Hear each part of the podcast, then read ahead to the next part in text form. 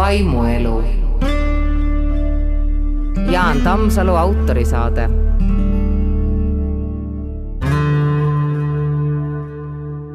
on hingedekuu algus ja mul ei olnud keeruline taibata, keda võiksin kutsuda selle kuu esimeseks saatekülaliseks. loomulikult Marju Kõivupuu, tere tulemast! tere tulemast saatesse, aitäh kutsumast! Esimesed laused, mida internetis sinu kohta leidsin, olid järgmised. Marju Kõivupuu on Eesti filoloog, kultuuriloolane, kirjanik, folklorist ning Tallinna Ülikooli Humanitaarteaduste Instituudi vanemteadur. Marju põhilised huvid on seotud inimese ja looduse suhete ning kultuuripärandi teemade ringiga, samuti ka surmakultuuri ja rahvameditsiini uurimisega. seega oled sa hingedaja spetsialist no kas just spetsialist, aga ühte-teist ma arvan teadvat, sellepärast et inimestel on väga erinevad nägemused sellest, kas ja kuidas hingede aega tähistada, kas seda üldse tähistada, mis üldse hing on ja nagu küsis äh, Joosep Toots, kui ta oli köstri käest sakutanud, et no sakutada saanud, et no ütle imelik, kuidas ma pean oma hinge eest hoolt kandma. Aga on... see imeliku vastus oli üks, üks, üks, üks imelik vastus. oli. seo hing niidiga kaela, mida sa tast seod, kui ta juba on, eks ole jah, see on teinekord on niisugused kehvad olud inimestel, et vanarahvas niimoodi ütles, et noh, see sõltub väga palju inimesest, tema religioossest või maailmavaatelisest taustast. Eh, mida ta hinge, hinges, mida ta kellegi hinges näeb, mida ta näeb hingede ajas ja üldse selles nii-öelda igavikulises teemas, mis meid ju tegelikult rohkem või vähem puudutab, iseasi on see, kui palju me laseme ennast puudutada. mulle väga meeldib üks vestlus, mida olevat kunagi pidanud kaks revolutsionääri peale suure oktoobrirevolutsiooni toimumist. üks oli teisele öelnud nelja silma all loomulikult, et u меня душа болит, mul hing valutab ja teine oli hakanud loengut pidama, et никакой души нету, mingit hinge pole olemas, on ainult mateeria ja see vastus mulle meeldib. Если болит, значит есть. kui valutab, tähendab, on olemas. kuidas sinu vaade hingele on? tegelikult ma alustaksin hoopiski sellest loost, mis sa rääkisid, et nõukogude ajal oli ju ka sedasi, et kui nähti mikroskoobi all geene, siis arstidele öeldi, et paljugi, mis te seal näete, aga seda, mida te näete, ei ole olemas. aga kui nüüd tulla tagasi selle juurde, et, et kuidas võib-olla ma seda hinge näen, et siis paratamatult ilmselt samamoodi ma mõtlen, mis on ikkagi see, mis meid teeb elusaks, mõtlevaks, tundvaks olendiks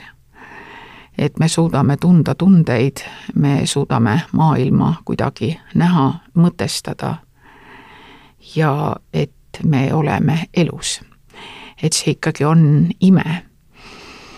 et vanad eestlased inimpõlvi tagasi uskusid, et inimloode saab siis hinge, kui ema tunneb esimesi looteliigutusi. Et see on see miski, mis annab aimu sellest, et uus elu on ilmale tulemas. Ja mm, kui inimesel hing välja läheb, kuhu ta siis läheb, mis temast edasi saab, kas ta naaseb kuidagi tagasi, kui ta naaseb tagasi, siis kuidas ja missugusel kujul.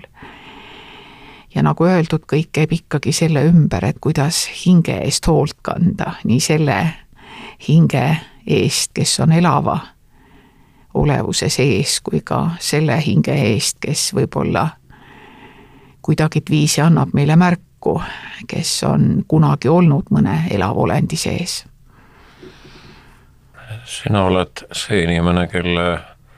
kelle jaoks on ju arusaadav, et ei ole ainult üks hingedepäev, teine november, vaid on hingede aeg, nii nagu Uku Masing, kes ka veidi seda teemat on uurinud, nagu paljusid teisi teemasid, on öelnud, et hingede aeg on olnud meie eelkäijatel vist Mihklist Mardini, noh umbes, eks ole, sellel ajavahemikul ja väitnud, et, et eestlased arvasid, et hingesid on palju liikvel, see tähendab, udu tähendas, et õhk on hingedest paks. mulle nii meeldivad need kujundid, täna on ka vist õhk hingedest peaaegu et paks, kui me seda saadet salvestame. kas sa oskad inimestele või kuidas sa oled inimestele vastanud, no ma olen olnud keerukates olukordades, kui inimesed tulevad ja küsivad, et kas küünalt võib aknale põlema panna teisel novembril ja ja ma olen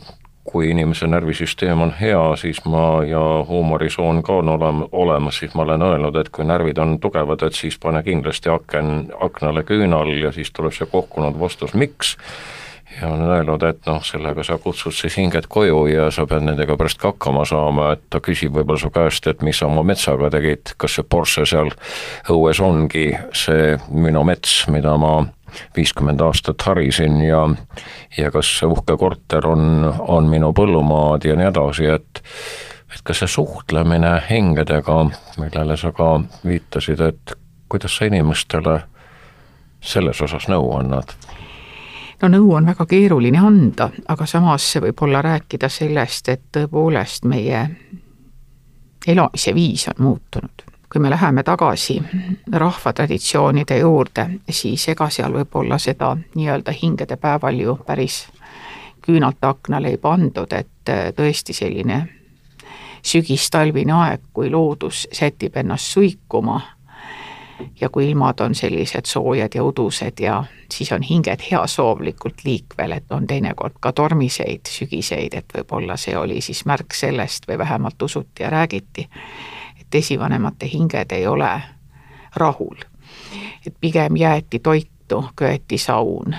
jäeti sinna natuke sooja vett ja vihakene, et neid ikkagi kujutati isikustatult võib-olla rohkem, kui me seda tänasel päeval Eh, saame teha, sellepärast juba, et meil on olemas teistsugune visuaalne mälu. ma olen üliõpilastega arutanud, et, et ma ise tunnen, et mina küll ei oska sellisesse maailma tagasi minna, kus võib-olla inimene ei näinud ennast kordagi peeglist, temast ei tehtud mitte ühtegi fotot ja ta elas edasi ainult teiste inimeste mälestuses tänapäeval on meie mälu toetab, ütleme siis nii-öelda visuaal või, või peenemas keeles öelda siis ka nii-öelda auditiivne mälu ja mis sai hoogustus mm, sellega, kui juba tele meie televiisortuppa toodi, kus oli võimalik näha ka neid inimesi, kes meie hulgast olid lahkunud. et ilmselt kõik see äh, tehnoloogia areng on meie mälu hoopis teistsuguseks kujundanud ja küllap ei ole ka meie kodudes enam nii palju varje ja pikki ja pimedaid õhtuid, kui seda Talutares oli. pigem me räägime sellest, et nüüd, et valgust on liiga palju, et see valgus isegi painab ja tekitab stressi. kas ja kuidas tänapäeva inimesed võib-olla soovivad rohkem oma lähedasi meenutada ja kas ja kui palju nad päriselt ka usuvad, et esivanemate hinged võiksid tulla koju, kas nad üldse leiavad tee ülesse. me tegelikult seda ei tea, missugused on nende niisugused orienteerumisalased võimed, et kui nüüd proovida siin fantaseerida, et võib-olla nad lähevad oma vanasse kodukohta vaatama, ei leiagi sealt väga kedagi eest. ka nii võib mõelda, kas nad, kas nad oskavad meid üles leida tänases maailmas no siin saates on olnud üks hästi tore, tore mees, kes on Eesti Konjunktuuri Instituudi juht, aga samas ka lindude vaatleja ja tema on siin rääkinud sellest, kuidas linnud leiavad üles õiged kohad, et isegi siis, kui osade lindude vanemad nii-öelda enne teele asuvad, lähevad lapsed esimest korda ja lendavad ka õige koha peale järgi, et ma arvan, et et see hinge seostamine liblikate ja lindudega on, on, on üsna, üsna levinud olnud ju, et kui juba, juba linnulaps nii-öelda suudab tuhandete kilomeetrite kaugusel õige koha üles leida, siis äkki see hing ka suudab, aga kas kas seda üliõpilased, noored inimesed ka oskavad kuskilt oma mälusopist leida mingeid mälestusi või mingeid mõtteid sellest, et et see asi veel üldse töötab või on see ainult kuskil raamatutes, mis räägib nendest aegadest, see hingede kojutulek ja, ja nende ootamine ja, ja need hoiatused ja, ja nii edasi, et mul neid jah, mälus, mälupilte on palju, kuna ma olen vaimulik ja minu juurde selliseid imelikke lugusid tullakse rääkima, aga kuidas noortel praegu on? no eks ikka on inimesi, kes on võib-olla nii-öelda altimad, võib-olla natukene selliste tundlikemate teemade asjus, aga kahtlemata on ka neid, kes võtavad seda kui kunagi, kunagiste inimeste uskumusi ja noh, sellest siis lähtuvad, et nii nagu meil ikka on, eks ole, et on sellised vana aja jutud ja, ja võib-olla nagu seda ei ole olemas, aga, aga ma usun, et see elu mõtestatus ikkagi on vägagi teema, noh, seda enam, et meie maailm tegelikult ju järjest rohkem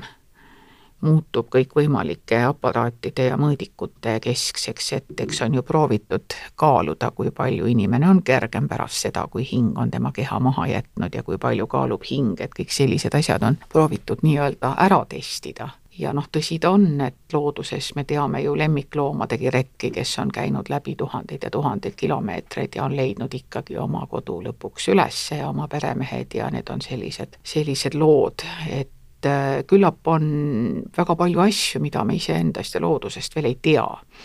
et äh, ütleme, teadlase pilguga öeldes, et kunagi ei maksa karta küsida küsimusi ja kunagi ei maksa olla väga enesekindel, et sa tead kõigest kõike, et see ei, et see on võib-olla jah, natuke selline liiga enesekindel tee, et sest et kui me vaatame teaduse ajalugu tagasi, siis väga paljud sellised asjad, mis tundusid ilmvõimatud või tehnikasaavutused või teinekord isegi natuke selliste inimeste väljamõeldised, kelle mõistuses söandati kahelda. et siis ühte kui teist on, on tegelikult ühel või teisel viisil realiseerunud ja, ja ma arvan, et ehk me, me ei tea maailmast kõike ja küllap üks viis, kuidas on seda maailma proovitud seletada, on ju läbi religioonide kas sinu enda jaoks on kuidagi see hingetoaeg äh, eriline selles mõttes, et kas sa teed midagi sel ajal teistmoodi kui, kui teistel aegadel? natukene küll jaa, mul on ka siin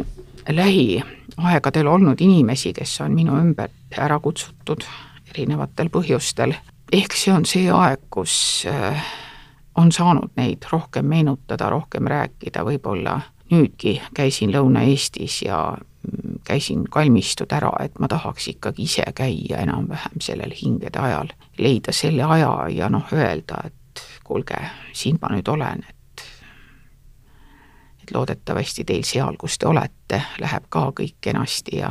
ja näeme jälle näiteks kas kalmistupühal või siis, kui mul on võimalik tulla, et ma nagu tunnen küll seda vajadust, et, et mitte väga niisuguselt noh, tänapäeval on, ütleme, sellised võib-olla ka mõnikord sellised tugevad tunded ja kasutatakse sellist noh, mõnes mõttes väga emotsionaalset sõnavara, et seda ma nii hästi ei oska, aga aga kuidagi selline tunne on küll, et peaks ära käima ja, ja väga liigutav on läbi teinekord sõita hingede päevapaiku, sõidad õhtul kusagilt koju ja vaatad, kuidas küünlad põlevad, et äh, me ei ole neid inimesi ikkagi unustanud, et äh, sellisena, nagu ma siin maailmas olen, kõikide nende omaduste ja oskustega, et ma ju tegelikult olen tänu võlgu nendele inimestele, kes on elanud enne mind ja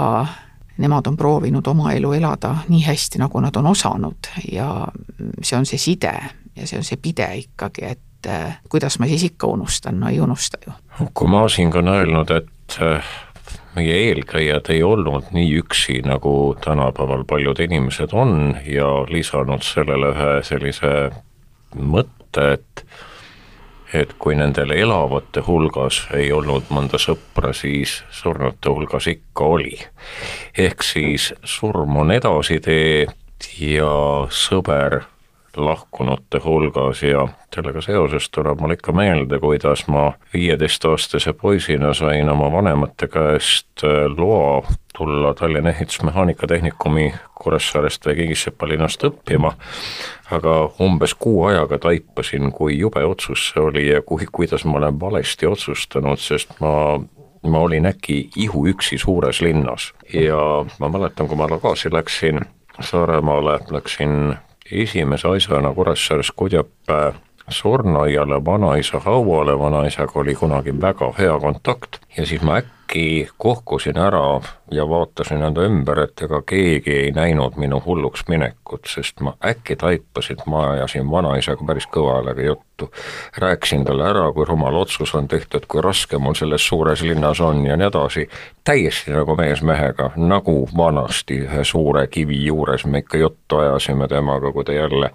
jälle mind kaasa võttis, et kuidas, kuidas nende asjadega on, et kas kas see surnutega jutuajamine ja nii edasi, et kas see sulle tundub imelik või ajad ka juttu? ei tundu imelik, sellepärast et juba Kalevipoeg käis isa haual isaga rääkimas, et miks siis. no see oli nii vanasti ju mis siis,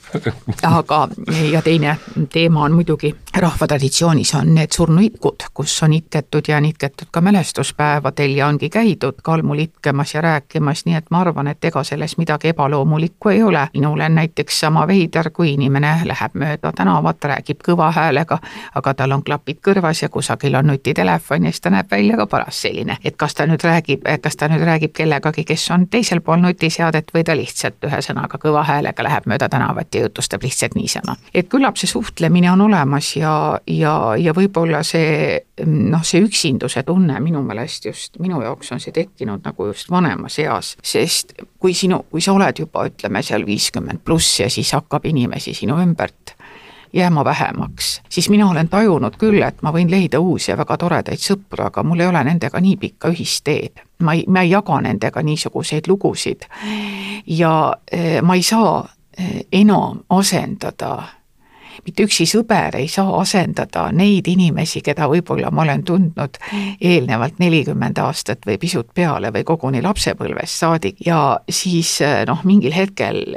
tabad, et eh, et isegi siis, kui teinekord see telefonikõne tuli võib-olla natuke ebasobival ajal leidsid, et oh jumal küll, et noh, heake küll, et hea, kui ma räägin sinuga, et tegelikult eh, ma ei jaksa ja ei taha. ja, ja siis äkki avastad, et sa tunned sellest puudust, et mingil ebasobival ajal helistab kauge lapsepõlve tuttav ja küsib, et no kuidas siis eluga läheb. et ja mõned muud sellised, sellised kas telefonikõned või kirjad või, või kui inimene on jär-, noh, nii-öelda äkki meie hulgast ära kutsutud, neid inimesi on mul ka siin lähi minevikus õige mitu, et meil on jäänud mingid asjad lõpuni rääkimata või mingid tegevused lõpuni tegemata ja ja siis tahaks öelda, et kuule, nii ei ole ju ilus teha, aga sa lubasid mulle ju veel seda ja teist asja ja ja nad ikkagi jah, kuhugi, kuhugi jäävad, et ükskõik mil viisil, eks ole, kas siis koha peal, aga vot see tekitas mus veel teise mõtte ka, et kuna meil on praegu see hingedepäev tulemas, siis sina vaimulikuna ju kindlasti tead, et Tallinna kalmistul, kas on nüüd Liiva kalmistu jätkuvalt või on Pärnamäe, ma võin praegu eksida, on ju hingedepäeva paik, oikumeeniline jumalateenistus, kus puistatakse Pärnamaal, eks ole, jah, palun vabandust. ja noh, sellepärast on, et inimesel võiks ju asjad meeles olla, aga vot alati ei ole täpselt meeles, kus ju tegelikult äh, tuhapuiste alale puistatakse nende inimeste tuhk, kellel väidetavalt ei ole kedagi ja ma olen alati nagu selles kontekstis mõelnud, et Eesti on nii väike, et ta on üks selline suurlinna linnaosa jagu rahvast, eestikeelset eriti, ja tõenäoliselt ükskõik, kellega sa vestled, varem või hiljem leiad sa ühised tuttavad. et kuidas see on võimalik, et äh, inimesed jäävad nii üksi ja mida see meist kõneleb, mida see kõneleb meie mõtteviisist, sest äh, urnimatus, urni hoiule panemine ei ole ju väga kulukas ja, ja erinevad matusebürood pakuvad ka suhteliselt tagasihoidlikumate võimalustega inimestele korraldada väike mälestusteenistus, sest kunagi üks ajakirjanik küsis minu käest, et kas sulle ei tundu see, et et on olemas niisugused erinevad hinnapaketid, mina ütlesin, kaugeltki ei tundu, sest inimeste võimalused on erinevad. Ja nii, nagu me valime toitu ja kõike muud, et, et vastupidi, et minu arvates on see väga tervitatav, sest kui eh, inimesel on need võimalused tagasihoidlikud, aga ta tahab midagi ikkagi korraldada viisakalt eh, oma lähedase ära saata, siis on tal see võimalus. minule teeb nagu rohkem jah, see isegi muret, et, et kuidas meie väikese rahva hulgas et mis meiega juhtunud on ja kuhu see kompassinõel on nihkunud, et ei saa ju ainult äh, põhjendada selle, seda sellega, et noh, erinevalt väga paljudest Euroopa riikidest, äh, kus tuhastusmatus on olnud ju suhteliselt pikema traditsiooniga, kui see meil siin Eestis võimalik on olnud, ütleme, meie räägime siin tuhat üheksasada üheksakümnendate, ütleme sealt keskpaigast, et noh, meil ei ole nagu väga reguleeritud, eks ole, et kui sa tahad kalmistule tuhaurni matta või sa tahad paigutada kuhugi selle tuhaurni, sa saad rentida, aga kui see jääb nagu inimeste nii-öelda kätte, ja see tuhk kas saab siis nii-öelda vette maetud või puistatakse ta loodusesse või hoitakse teda kogunisti kodus, noh, ma olen siin inimestega rääkinud, mõned ütlevad, et, et neid see ei sega, et, et on, vot mulle meeldibki niimoodi, et mu ema tuhk on ka mina, Simsil urn koos kõige sellega, et noh, kui teda ei sega, kas mina olen nüüd see õige inimene ütlema, et et järsku ikkagi kohtleks vääriliselt, et ja küsimus on ju temas, temas, mitte et kas sind just, segab just, või ei sega, aga, aga just nimelt, no siit hakkab tulema välja ka see tegelikult natukene meie väga individualistlik ja minakeskne maailm, et mina olen see, kes asjade üle otsustab, et võib-olla peaks äh, ikkagi nagu arvestama ka sellega, mida lahkunu soovis ja seda ka õigel ajal küsima, et et sellised niisugused muutused nagu isegi teevad mind inimesena natukene võib-olla valvsamaks, et noh, teadlane, teadlasena ma pean olema neutraalne, mina saan analüüsida, kirjeldada, alustada kirjeldamist, alustada kirjeldamisest ja siis analüüsida, miks ühed või teised asjad ühiskonnas toimuvad, aga, aga ilmselt see jah, see minakesksus, et kõigepealt tulen mina, noh ja siis võib-olla kunagi tulevad ka teised inimesed, et see kõlab küll praegu väga, väga pahasti, aga, aga see kuidagi nagu vahel natuke häirivalt jääb silma küll stuudios on külaline. Peer Künt on Kairo hullumajas ja imestab, äh, miks need teised seal hullumajas on, psühhoneuroloog ja haiglas läheb peaarsti juurde ja küsib ja pearst äh, naeratab ja ütleb, et kuule, kuidas nad kõnelevad,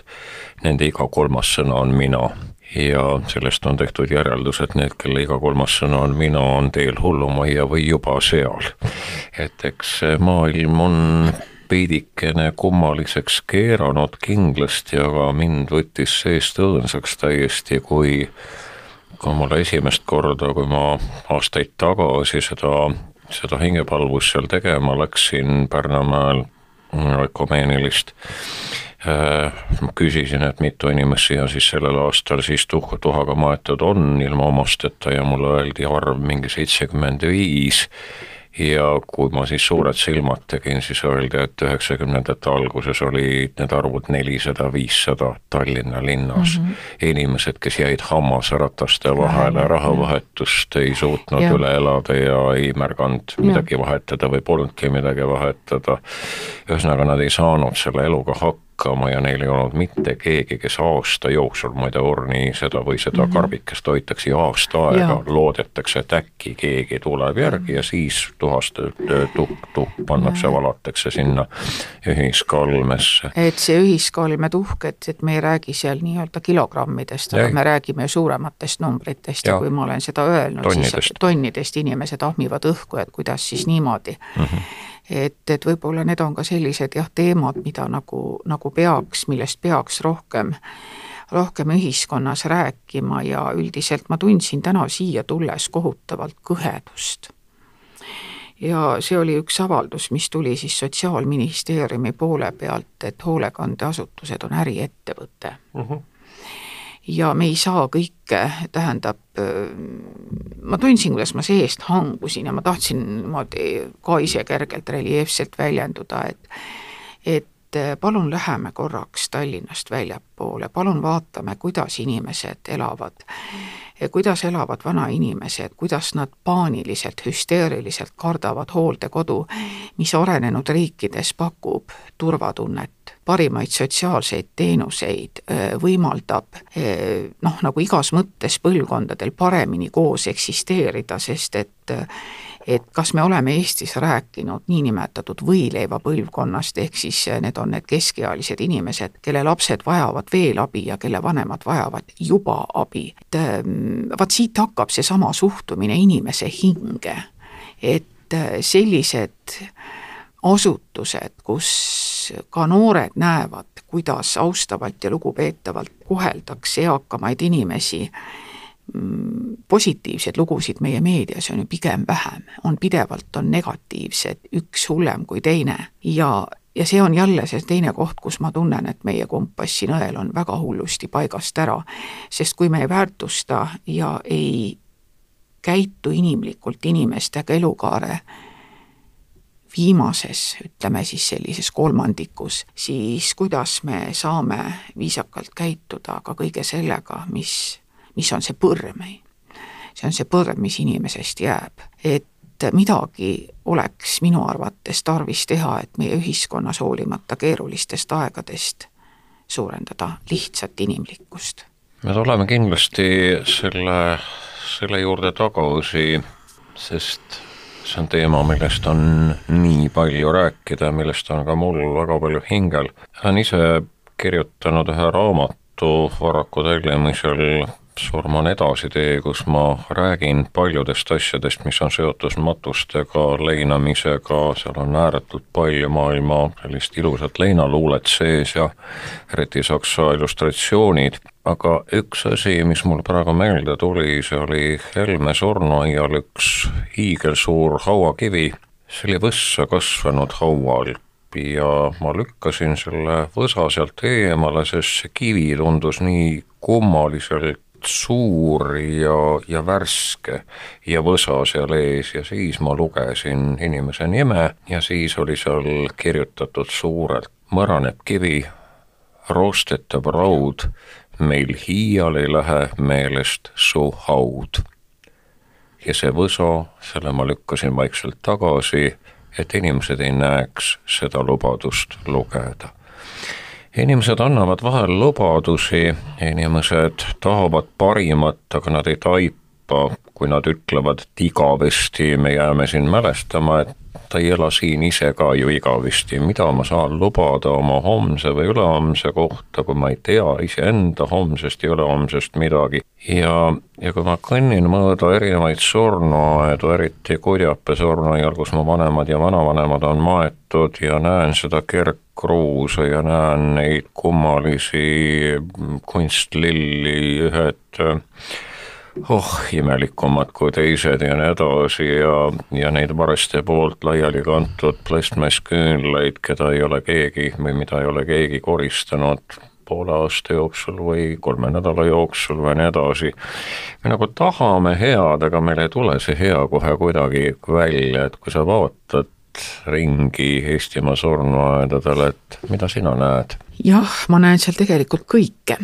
ma näen kõigepealt eh, kalmusid, kus on näha, et, et on lähedased, kes seal käivad mm, erinevatel põhjustel, muidugi juhtub ju see, et kui näiteks ka väikesed maakalmistud, kui inimesed lähevad sealt ära, kui külad hääbuvad, kui eh, kogudused hääbuvad, kui ühesõnaga üldse elu külas hääbub, siis eh, mingil hetkel ju on ka selline seis, et, et neid lähedasi, kes ühele või teisele kalmistule jõuaks, et neid on suhteliselt, neid inimesi jääb vähemaks ja niimoodi tekivad sellised mahajäetud kalmistud. Ma näen ka seda, et äh, nagu sa väga ilusti kirjeldasid, et, et see, kui see esimene emotsioon on, siis me lubame hästi palju ja me kasutame väga palju ilusaid sõnu, aga mm, sageli tundubki niimoodi, et, et see on ainult hetkeks ja noh, ei oska ju öelda, mis ühel või teisel puhul, kas on juhtunud või kuidas need asjad käivad ja võib-olla ka sellised äh, missioonitundega kalmistuvahid, nagu neid võis siin veel kohata mõned kümned aastad tagasi, eks neidki jääb natukene juba hõredamaks. Mm, ja nii ta on ja, ja nii ongi õigus nendel, kes ütlevad, et kui sa tahad äh, teada, mis inimestega on tegu, et mine siis turule ja kalmistule, et tudengitele ja muidugi olen ikkagi rääkinud, et kalmistud peegeldavad üsna täpselt meie väärtushinnanguid ja, ja suhtumist elu, elu ajalikkusesse ja, ja võib-olla eh, noh, moodsad ajad tänapäeval on ju kõikvõimalikud veebikalmistud ja mälestuslehed ja siin on saanud juba viimased viisteist, kakskümmend aastat arutada selle üle, et kas kalmistu sellisel kujul ongi enam niisuguse mm, ütleme siis alternatiivse kodupaiga sümbol, et et ütleme, see on siis selline me ütleme väga ilusti surnuaed eesti keeles, eks ole, see tähendab hooldatust ja lilli ja, ja korrastatust ja, ja võib-olla isegi sellist parki, et tuletame kirjandusest meelde, et Arno Tali armastas seal käia, noh, kabeliaias ja hiljem Teele käis seal imelikuga ja, ja siis eh, määrati kohtumisi kalmistule, oli vist Eno Raual see lugu lendavate taldrikutega ja ja eh, kui nüüd Kivirähkil ilmus see raamat, mis olid lood headest inimestest, vist on see pealkiri, ma loodan, et ma ütlesin täpselt, aga seal on siis kujutatakse, et noh, kalmistu nagu kõige, kõige hirmuäratavam koht, et raamatus kõik kulgeb muidu väga vaikselt ja niimoodi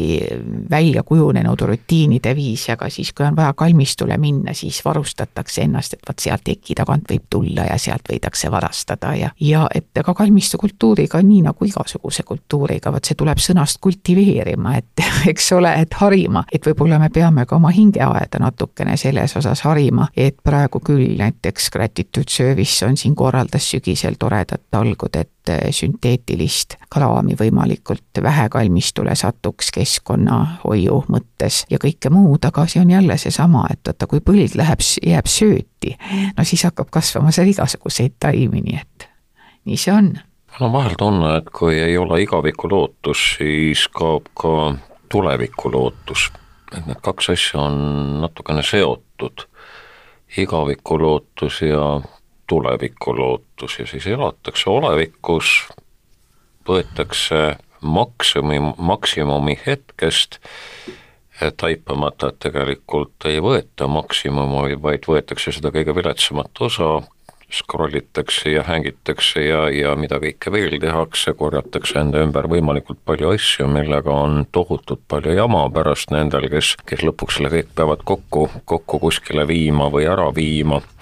ja ohkavad ja puhivad, et miks need, miks need asjade vastuvõtukohad on nii kallid, aga, aga kas sina näed seda juba natukene ka viitasid sellele, et see religiooni taandumine inimühiskonnast, see teeb oma töö, see teeb oma tööd, aga, aga selles kalmistukultuuris ja, ja suhtumises inimesesse, inimese hinge ja nii edasi, et kuhu sa siia jutu viiksid? mina viiksin selle jutu ikka selle klassikalise teema peale, et mis on aukartus elu ees. et et, et see Schweizeri mõte, aukartus elu ees, on mulle hästi oluline olnud väga kaua ja ma olen siin täheldanud, et noored enam ei saa nagu päris hästi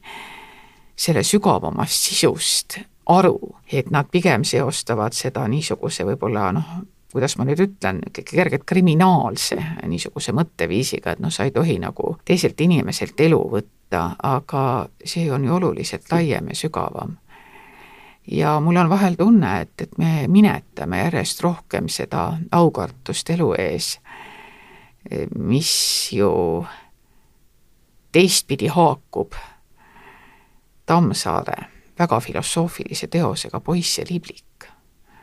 Kimad sellel põllul ringi, ajad taga mingisugust liblikat, aga hiljem vaatad, et liblikas on läinud, põld on maha tallatud ja siin ma nüüd siis olen. ja ma arvan, et see algab inimese seest kuidas olla ise tasakaalukas, kuidas äh, mõista ja mõtestada maailma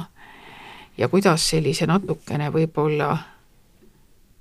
ütleme, sellise minakeskses maailmas arutada, et aga see ongi normaalne, et ma ei saagi kõike.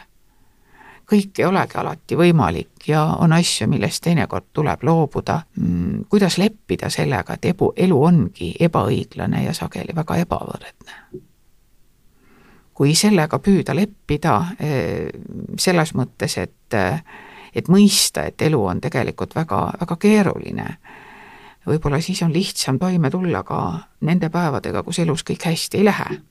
sest paratamatult meil on paremat sorti päevi ja siis on neid teisi. Et kuidas, kuidas kõige sellega toime tulla, et ja mitte alati võrrelda ennast teistega, et miks, sest me igaüks elame oma elu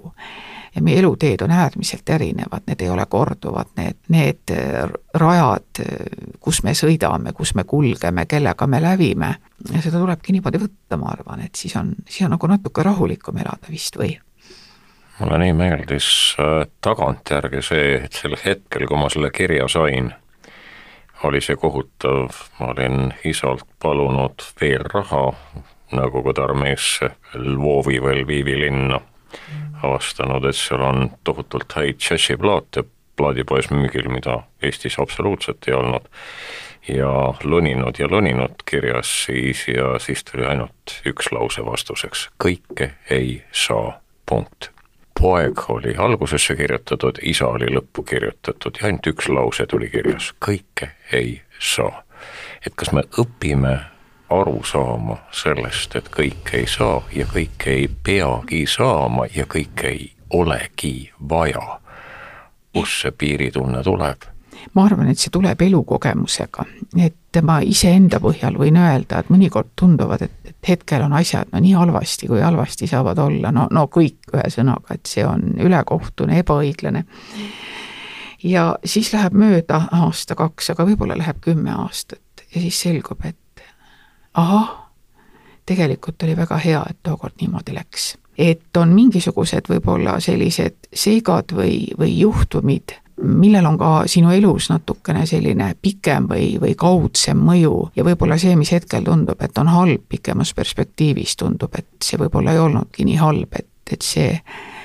lükkas midagi liikuma või sundis mind ennast kokku võtma või andis mulle mingisuguse õppetunni või no mis iganes. et äh, lihtsalt elus on niimoodi, et on head päevad ja siis on need teised. üks tark on väitnud, et inimene võib olla kas elus või surnud või merel kas elus või surnud või merel. nii ristiusk kui meie muinasusun, need usundid, mis on meie eelkäijaid aidanud elada ja surra, räägivad sellest, et inimene võib surra ja ometi elada. Rahumäe kalmistu hauakivil on inimese nime alla kirjutatud kolm sõna. siit algab igavik mitte midagi rohkem ei ole, mitte mingeid tõotusi, et roostetav raud ei unune haud, vaid inimese nime ja sünni ja surma daatumi ja väikse kriipsukese vahel, mis tähistab seda elu, sellel alla on kirjutatud või õigemini raiutud, siit algab igavik. nii ta on, et äh, meil on siin ilmas antud oma aeg, me ei tea, kui pikk see on mõnes mõttes ma olen ikka küsinud, et kes mängib neid täringuid, et miks ma olen sündinud just sellesse aega siin ja praegu ja miks võib-olla minu elutee on läinud niimoodi, tõenäoliselt me kõik seda küsime, kui me saame, eriti ma arvan, et mida vanemaks me saame, et miks just selles ajas või või miks mulle on noh, miks, miks see, miks see kõik on nii, nagu on. miks ma olen kohtunud selliste inimestega kellega ma olen kohtunud, mida nad on minu ellu andnud või, või mida ma olen noh, nendest õppinud. siis iga inimene, kellega me kohtume, õpetab meile midagi, lihtsalt tuleb osata see ära tunda ja siis, kui meid ära kutsutakse, no siis algabki igavik. see, kuidas võib-olla meie tegusid hinnatakse, sageli selgub siis, kui me ise enam kaasa rääkida ei saa. meile vist äh, eestlastena aeg-ajalt meil meeldib mõelda, et me oleme kuidagi väga-väga erilised, aga kui ma võtan Astrid Lindgreni raamatud ette, Vennad lõvisüdamed või Pipi Pikksukk, siis ma saan aru, et me pole tühjagi erinevad nendest teistest, kes meie ümber on, kui Pipi Pikksukk aeg-ajalt seisma jääb ja lehvitab üles ja, ja ütleb emale, kes on tema meelest raudselt taevas ingliks, kus mujal saab üks hea ema olla, kes nii varakult pidi ära surema, kui ta on tütar just sünnitanud, ja ütleb emale, räägib emaga juttu, nii nagu mina seal Kudjape surnuaias oma vanaisaga rääkisin, ja ta ütleb ühe lause, ema, ära minu pärast karda, mina saan hästi hakkama. Ta lohutab ema, sest need emad ju kardavad ja muretsevad igal pool, ka siis, kui nad on taevas ingliks või see, mida vendades lõvisüdametes need kaks noormeest räägivad, üks, kes kuuleb, et ta peab võib-olla kaheksa-aastaselt ära surema mingi haiguse kätte ja see vanem, vanem vend, kes hakkab talle kirjeldama seda Nangialat, kui imeline see on, kuhu ta nüüd teel on, kui ta sinna mm. läheb. nii et noorem vend hakkab lausa igatsema sinna, aga siis juhtub õnnetus teise vennaga hoopis. aga see, kuidas äh, sügavalt usklike vanemate laps Astrid Lindgren kõneleb lastele lasteraamatutes surmast. ta on minu meelest üks helge, hämmastav, ilus asi ja ma saan aru, et meie ümber olevad rahvad mõtlesid enam-vähem samamoodi nagu meie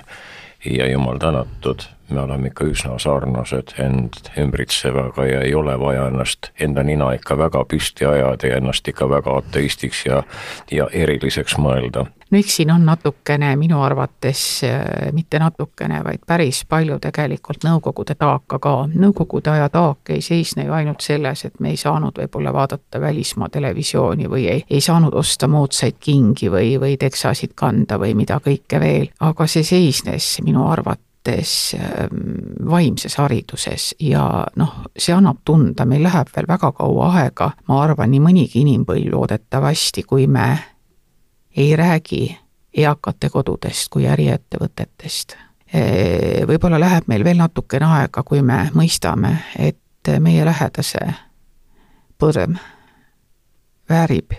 lugupidavat kohtlemist. võib-olla läheb meil veel natukene aega, kui me ka ironiseeri inimeste üle, kes usuvad midagi muud kui meie. inimeste religioosne ilmapilt võib olla väga erinev, seda tuleb samamoodi aktsepteerida ega kui inimene midagi ei usu, noh, las ta siis on niimoodi, aga just nimelt seda positiivset hoiakut ja oskust vaadata maailma teise inimese pilguga. väga lihtne on öelda, näpuga näidata, et ja püüda ennast võib-olla seeläbi noh, nagu suuremana kujutada, et vot mina nüüd olen ikka see ja mina olen see tõsine tegija ja vot tema ikka ei ole ja või, või naerda, et ta käib kirikus või kusagil. aga see kogudus on võib-olla see ainukene, mis on talle jäänud, mis annab ta elule mõtte ja sisu, mis sunnib võib-olla vanemat inimest kodust välja minema, panema pisut paremad riided selga. annab hingele midagi. just nimelt, toetab hinge, et me ei peaks selliseid asju alaväärtustama, sest me oleme kõik sotsiaalsed olendid ja püüame siin hakkama saada, et, et võib-olla selline natukene külmus, iroonilisus on ehk ka kaasa tulnud ajast, mida me hea meelega meenutada ei taha. vaimuelu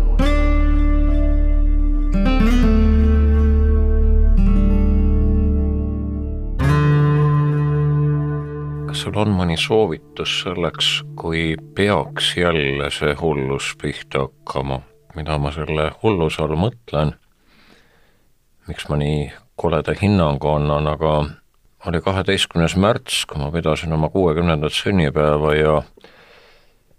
ja mul paluti see sünnipäeva pidamine ära jätta, et järgmine päev tulid piirangud peale. ma ei jätnud ära,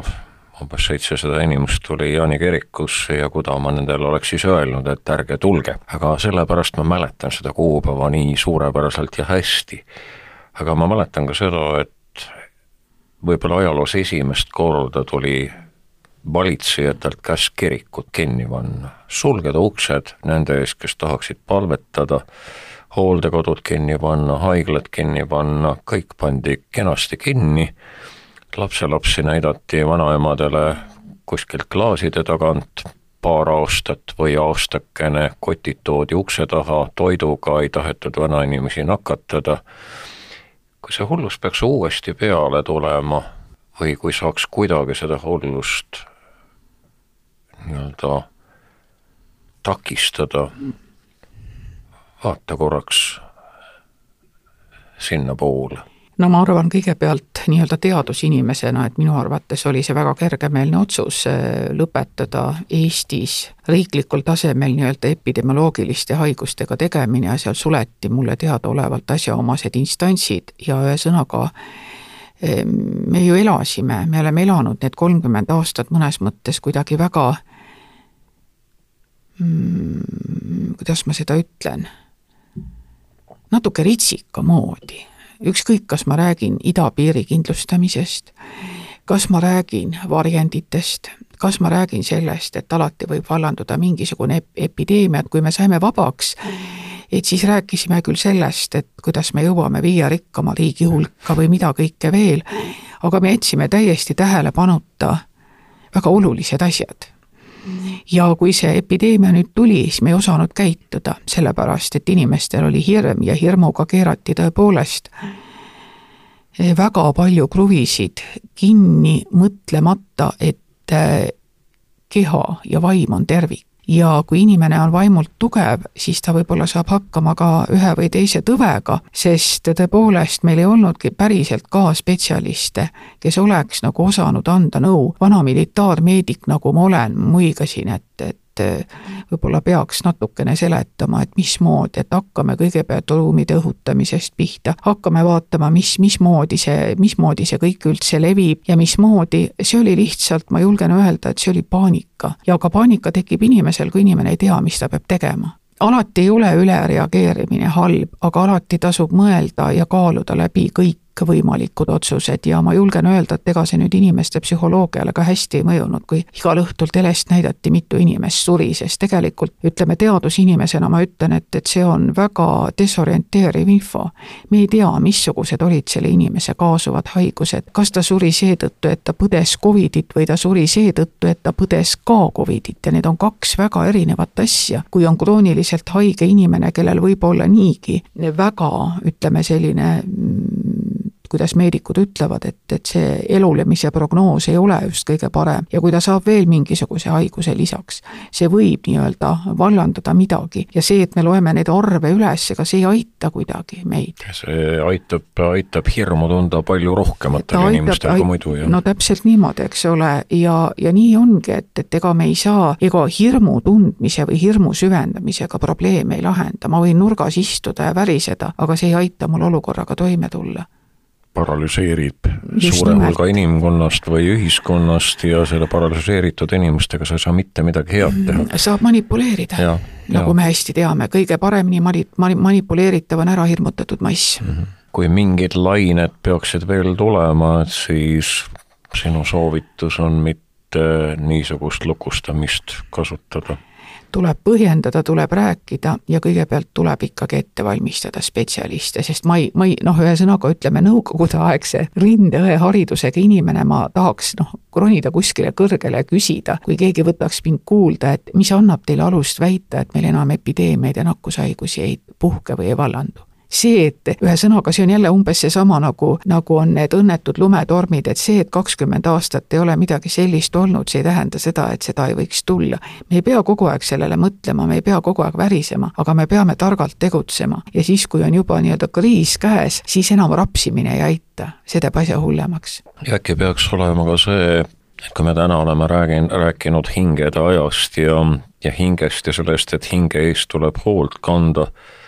siis need inimesed, kes ei ole oma hingede eest hoolt kandnud või kelle hingede eest on vähe hoolt kantud nendes kohtades, kus oleks võinud, siis nende inimeste,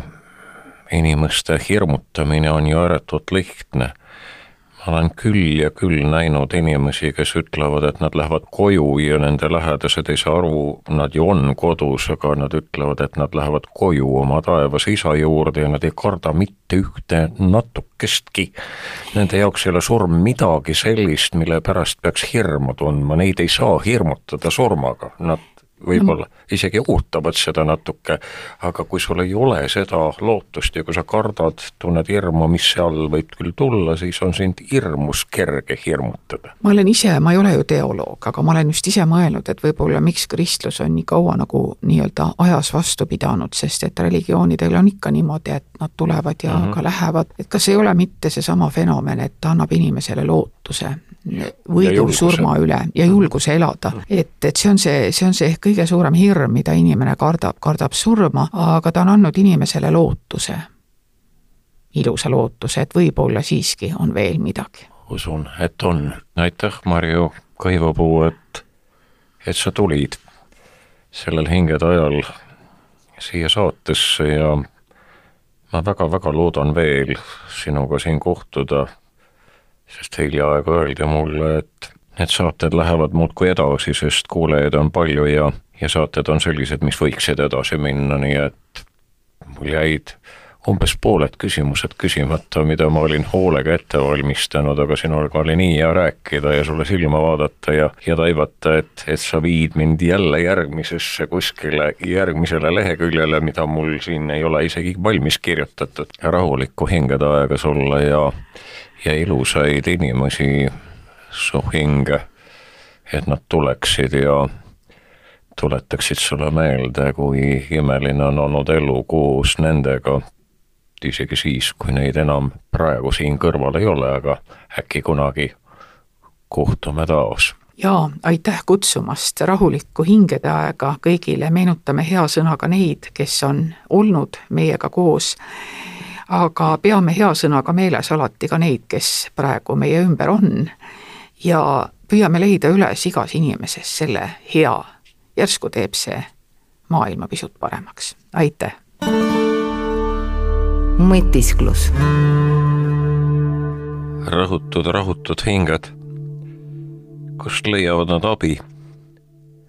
Ajutist abi pakuvad paljud läbi joovastavate jookide, toimendavate tablettide, mõnuainete saab hetkeks ju leevendada valu, põgeneda rängast reaalsusest.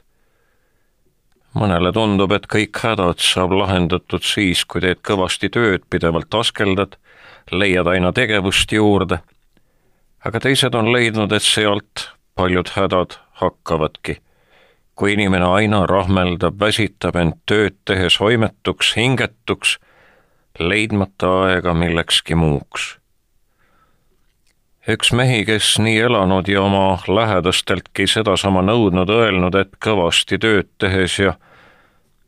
piisavalt vaeva nähes pidavat ka armastust tulema, aga aga tema poeg väitis, et armastust pole Vargamäele tulnud. kangus tuli tuli silmade sulgemine ligimese vaevade eest, tuli naabrimehe vihkamine. Piiblitki loeti seal selleks, et sealt oma tõde otsida. andeks, andeks ei palutud kunagi. siis, kui Kraet Andresele mehe poolt nii oodatud poja oli ära sünnitanud ja ütles, et nüüd ta ise sureb, läheb Andres ühe suure kivi juurde, et olla seal oma jumalaga kahekesi ja siis tuleb välja, et ta on tegelikult kogu aeg märganud, et ta on oma naise elu raskeks muutnud. Ja nüüd ta palub, et Jumal võtaks selle poja ja teeks ta tütreks ja kõik järgmisedki poisid teeks tütreks. nüüd ta palub. aga usu Jumalasse kaotab see mees siis, kui ta on oma noorema poja nii kangeks kasvatanud, et see ennast peksta ei lase, laseb maha lasta peale seda kaob ka vana Andres usk. Andres on vist näide Eesti mehest, kes on kange, kes mitte kunagi andeks ei palu ja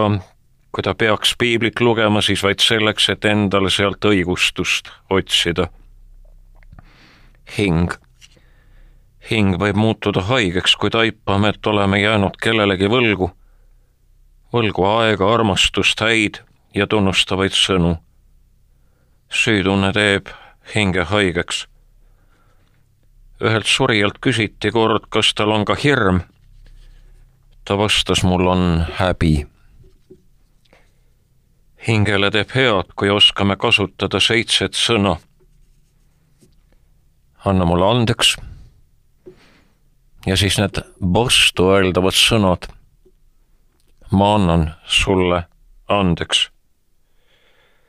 andeks saab paluda elavatelt, kuid ka lahkunutelt on võimalik paluda andeks. kindlasti on. Lähed hingede ajal hauale, ajad juttu, palud andeks. või palud läbi palvete andeks, läbi looja. hinge eest tuleb hoolt kanda, sest kui seda ei tee, maksab see kurjasti kätte. pühakiri ütleb, et me oleme Jumala looming ka hing on Jumala looming. Jumal on meil loonud elavateks hingedeks, Paulus ütleb, eks teie tea, et te Jumala tempel olete ja et teie sees elab Jumala vaim. me oleme elavad hinged ja meie kehad on Jumala vaimu templid. rõhutud ja rahutud hinged võivad olla märguanded, et tempel on jäänud tühjaks ja elaval hingel on äng, sest looja on lahkunud oma loojast hingerahu saab meile anda vaid tema, kes on meile hinge andnud. Helene Feinstein on öelnud, kerge on surnuid armastada. Nende hääled on mahedad, nemad ei vaidle. kord maapõues jäävad nad meile truuks. kuid kas nad meile ka andestavad? meie norivat võimetust mõista nende kaebusi, meie ilmselget pahameele süüdistussõnade üle. Mäletan kord, kuidas murdusid keset vihast sõnavahetust lausudes õnnetult. ma ei taha su lollakat kurvastamist pärast mu surma. ma tahan su kaastunnet praegu. kas suudame anda kaastunnet praegu? kas suudame praegu vaadata silmadele või mõtleme, kui suure kivi, kui võimsa pärja me siis ja kord, kui palju lilli, kui palju küünlaid me toome hiljem. äkki saaks praegu ühe lille kaupa, mõne küünla põlema süütamise kaudu ja ütlemise kaudu, et räägime, lihtsalt istume ja räägime. räägime olulistest asjadest, paneme telefonid kõrvale ärme passi ole seda, mis polegi oluline. Meenub ühe kaheksa-aastase Viljandi poisi matus, üliandekas poiss. aga siis juhtus üks asi. ta jooksis tantsutrenni vaheajal mööda pikka koridori ja koridori lõpus oli üks suur metalluks, mehed olid pannud ta sinna lihtsalt, et järgmine päev hingedele tõsta, aga poiss jooksis vastu, uks kukkus ja poiss sai surma. Ja siis see matusepäev ja see vanaema, kes tuli mu juurde ja ütles, õpetaja, ma olen õnnelik. ta nägi mu jahmunud silmi ja seletas, miks ta on õnnelik oma lapselapse matusel. ta ütles, et kui poiss oli neli, oli ta hakanud talle helistama ja öelnud nagu täiskasvanud inimene, vanaema, kas teil oleks vaja sellist asja nagu minu hoidmine ja mina ütlesin talle alati, et mul on tohutult vaja sellist asja nagu sinu hoidmine. Mida ma oleksin täna tundnud, kui ma oleksin öelnud, et mul on sarifilmid vaatamata, mul on tähtsad asjad tegemata, minul pole küll aega sind hoida. ma olen õnnelik täna, et ma võtsin aega. võtkem siis aega aega nende jaoks, kes on meie lähedal, kes on meid välja kannatanud sellistena, nagu me oleme võtkem nende jaoks aega, ärgem ütelgem, et meil on kiire. Valdo Raud vaatas aeg-ajalt mõnele tähtsale mehele otsa, kes rääkis, kui kiire tal on ja, ja ütles, et huvitav, kuidas sinul kogu aeg kiire on? meil on ühepalju aega sinuga. sa vist elad valesti. ärgem siis elagem valesti, elagem natuke rohkem õigesti nii et ei oleks piinavalt valus asjatult elatud aastate pärast üks lause kunagi loetud jubedast raamatust, aga lause ise on ju õige. Ilusat hingede aega, hingestatud aega, avatud silmadega elamise aega, haudade kordategemise aega, tänulikkuse aega. oi kui õnnelikud me oleme, kui me mõistame meenutada kõike seda imelist ja head, mida on andnud meile need, kes on meie kõrvalt läinud, sest nende aeg sai siin otsa. aga seal on aega ju küll. ja tänulikud neile, kes on meie kõrval. vaimuelu